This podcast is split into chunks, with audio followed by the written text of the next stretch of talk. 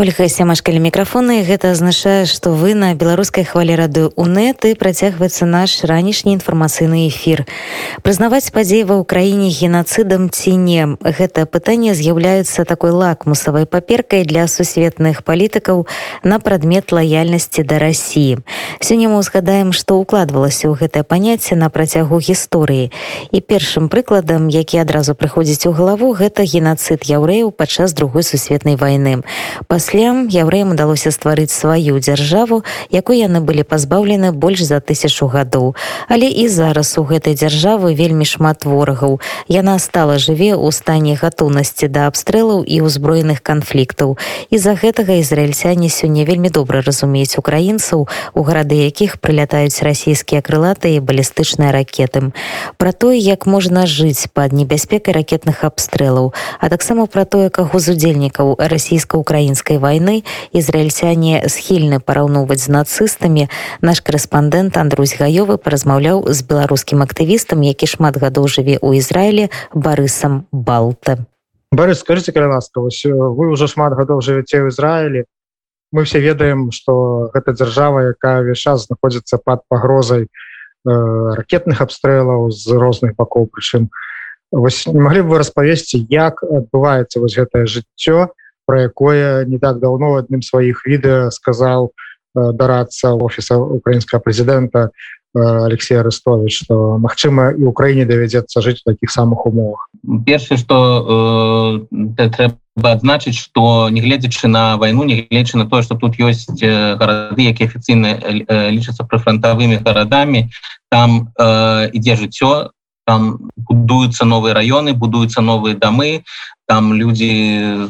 купляюць нерухомасць гэта э, на в асноўным на поўдні краіны э, ну першую чаргу ускладваецца такія гарады як здоров напрыклад ты же шкіоны ждот э, таксама э, дзе я живу. Першае что ну э, все новые дамы які тут будуюцца з 93 -го года тут у кожным у кожнай кватэры абавязкова ёсць пакой куды усе хаваюцца падчас абстрэлаў і гэтыя пакоі таксама могуць абараніць калі ворагі будуць выкарыстоўваць хімічную зброю. Бо э, не просто так это было зроблена в 93 годзе бо да гэта ў 91 годзе калі была э, вайна по вызваленню кувейта калі заходняя коаліцыя вызваляла кувейт от э, Ирака на чале с Хусейном Хусейновский войскі обстреливали Израиль хімічнымі ракетами. Э, тому пасля гэтага вось будуются такие э, бомбасховішча у кожнай квартэ акрамя того будуются бомбасховішча на вуліцы там праз кожны там 100 200 300 метров ну напрыклад дроце які узгадываю там на кожным кроце там ёсць такі грамадскі бомбасховішчы і зараз таксама іх пасля апошняй апошняга канфлікту пачалі будаваць і ў іншых гарадах масава каб калі будзе сігнал об ракетным абстрэле каб вы адразу смогли схавацца потому что ну напрыклад там ашкіон у вас 15 секунд есть на то каб схавацца там э, в других городах у вас есть 20-25 секунд. Грамадства жыве звычайна звычайным жыццём все э, працягваецца люди жывуць працуюць открываются новые бізнесы э, ствараюць сем'і жывуць жывуць як жылі люди заўсёды готовы просто до гэтага калі у нешта здарыцца так будзе готова і грамадзянская оборона і войска і муніцыпальныя службы. А что тычыцца войска як арганізавана служба войску? І хто там служыць і вось як яна праходзіць там тэрміновая професійная тут кожная э, хлопец кожная дзяўчына абавязана служыць войску. Хлопцы зараз служаць два з паловы гады дзяўчыны два гады не служаць тут э, гэта э, арабы мусульмане і э, ультрарэлігійныя э, юдэі таксама як і ультрарэлігійныя дзяўчыны яны праходзяць службу у альтэрнатыўную працуюць дзіцячых садках. Акрамя таго ёсць вялікі рэзерв шмат тых хто адслужыў тэрміновую службу праходзіць до 55 гадоў там раз у год на тыдзень на два збіраюцца на рэзервныя зборы таким чынам заўсёды готовы калі решается нейкі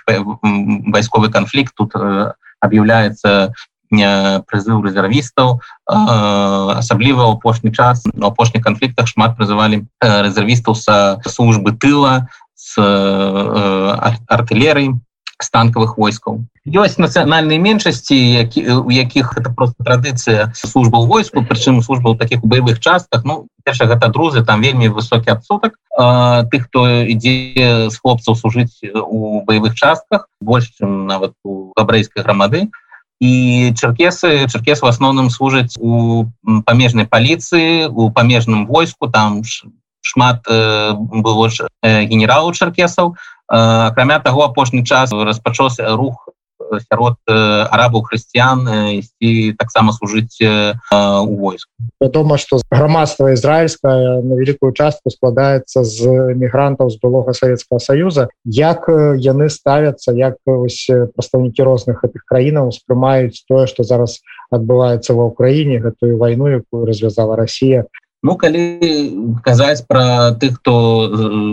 мігрантаў з блога Савецкага союза то яны падзелены цяжка сказаць 50 на 50 або 60 на 40 але ў адрознанне трэба заўважыць што адрознанне 2014 года вельмі шмат э, тых хто зараз на баку Украін адрознанне ад тых часоў все-таки все ж таки ёсць людзі бачаць што што адбываецца злачынствы які робяць расійскія акупацыйныя войскі но так сярод расійскамоны тут ёсць вялікі процент тых хто падтрымлівае гэту агрэсію хто жыве той носталье але гэта не нельга застасоўваць увогуле до ўсяго ізраильскага грамадства у ізраильскім грамадстве две трэці нават больш людзей безумоўна на баку Украіны і гэта тычыцца людзей усіх поглядаў левых правых цэнтрыстаў светскіх рэлігійных ну я кажуць у гэтамоўных ізраильцян э, вельмі вельмі высокі э, адсотак падтрымки Украіны і гэта можна таксама на грамадскіх акцыях по э, з першага дня войны э, тут кожны тыдзень нават некалькі разоў на тыдзень адбываюцца акцыі і акцыі вельмі вялікія на падтрымку Украіны э, у якіх прымаюць удзел не толькі самі э, людзі якія у приехали з Украіны ці з Беларусі але і мясцовыя ізраильцяне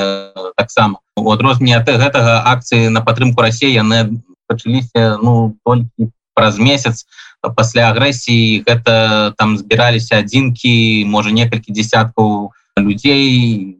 якіх арганізоўвала амбасада расійскай федерацыі так арганізавана масавы арганізаваны прарасійскі рух яго тут цяжка побачыць он в асноўным сидит за кампутаром ось якраз про украінскі рух ён тут вельмі вялікі тут збіраюць гуманітарную дапамогу тут люди едуць ва Украіну дапамагаць у тым ліку і каб, хто мае украінскі пашпарт каб ісці служыць ва украінскае войска у розныя тэрытарыальныя абароны Ну і таксама падтрымка выглядзе того ж шпіталя які зараз ёсць у заходняй Украіне ізраильска шпіталя якія з э, добраахвочых арганізацый кайхута цаля это такая рэлігійная медычная э, арганізацыя э, вось яна сваіх добраахвотнікаў э, даслава ва ўкраіну э, таксама рэлігійныя нейкія структуры якія маюць сувязь з Украіны яны таксама падтрымліваюць Так что тут сярод менавіта рытамоўных азрыцян э, вельмі вельмі вельмі вялікі адсотак э, падтрымки Украіны ось у першы тыдні войны ён быў 76 77соткаў зараз можа нават і больш пасля таго як э, сведаўся праўду про то что адбывалася у кучы у ерпіне і так далее я прочытаў у інтэрнэце э, дзеліліся людзі праз якіх мы ведалі адзін аднаго. Вось даведаўся што сярод іншага там вось э, у кучы калі знайшлі уже новыя могілкі з забітымі вось там сярод іх знайшлі вось гэтага майго аднаго знаёмага ну, значит то панты яго забілі і захавалі у, у гэтай пратэрскай магіле. Уже после того як свет даведаўся аб тым что там адбывалось уже просто зараз яшчэ нешта новое знаходзіць вось знайшлі вось эту новую магілу дзе былі пахаваныя люди вось сярод іх гэты чалавек конечно это шакавала вось ты ведаў чалавека і вось зараз ён трапіў гэтую трагеду расійская прапаганда распаўсюджвала звесткі про тое что быццам бы украінцы неяк там так кепска ставіліся да габрэяў якія збіраліся у горадзе умань які з'яўляецца адным з таких цэнтраў габрэйства ва ўкраіне як людзі ці верылася гэтаму? Что рэлігійныя ізраільцяне про гэта ведаюць што гавораць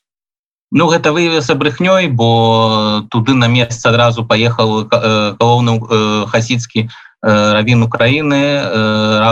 Раф Моше Асман. Ён выклаў інфармацыю што гэта брехня і канешне расійскіх выступаў не было. Наадварот былі выступы проукраінскіх дзе люди пароўнівалі тое что адбываецца ва ўкраіне з тым что адбывалася падчас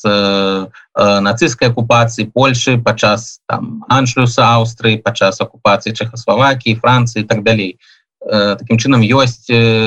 такой знак роўнасці паміж вось гэтага путинскага режима і нацыстскага режима ў нямецчыне Ну і зараз якраз адбываецца бы святочныя дні для іудзеяў як яны зараз праходзяць Ну так былі вітання з тым что э, выход выход з рабства э, Ізраіля зараз параўніваецца з тым что з рабства выходзіць Украіна з таго расійскага савецкага рабства. Акрамя того тут адбывались адбывалася традыцыйна ўжо э, падчас песяхоўскага тыдня цырымонія даблагославення коінаў коін это святары. Даблагославення коінаў ля сцяны плача ў Іерусаліме дзе акрамя талітаў это такая накидка рэлігійная якую абавязана падчас малітвы кожны веруючы чалавек таксама людзі выкарыстоўвалі і э, украінскія сцягі то можна было пабачыць на фотаздымках за гэтай цырымоніі так что як я кажу ва ўсіх колах і светецкіх рэлігійных тут э, вельмі вельмі высокім э, адсотак падтрымки Украін беларускі актывіст з Ізраіля Барыс балта падзяліўся сваім досведам як гэта працяглы час жыць падчас вайны а таксама з досведаў уласнага краю ацаніў расійска-украінскі канфлікт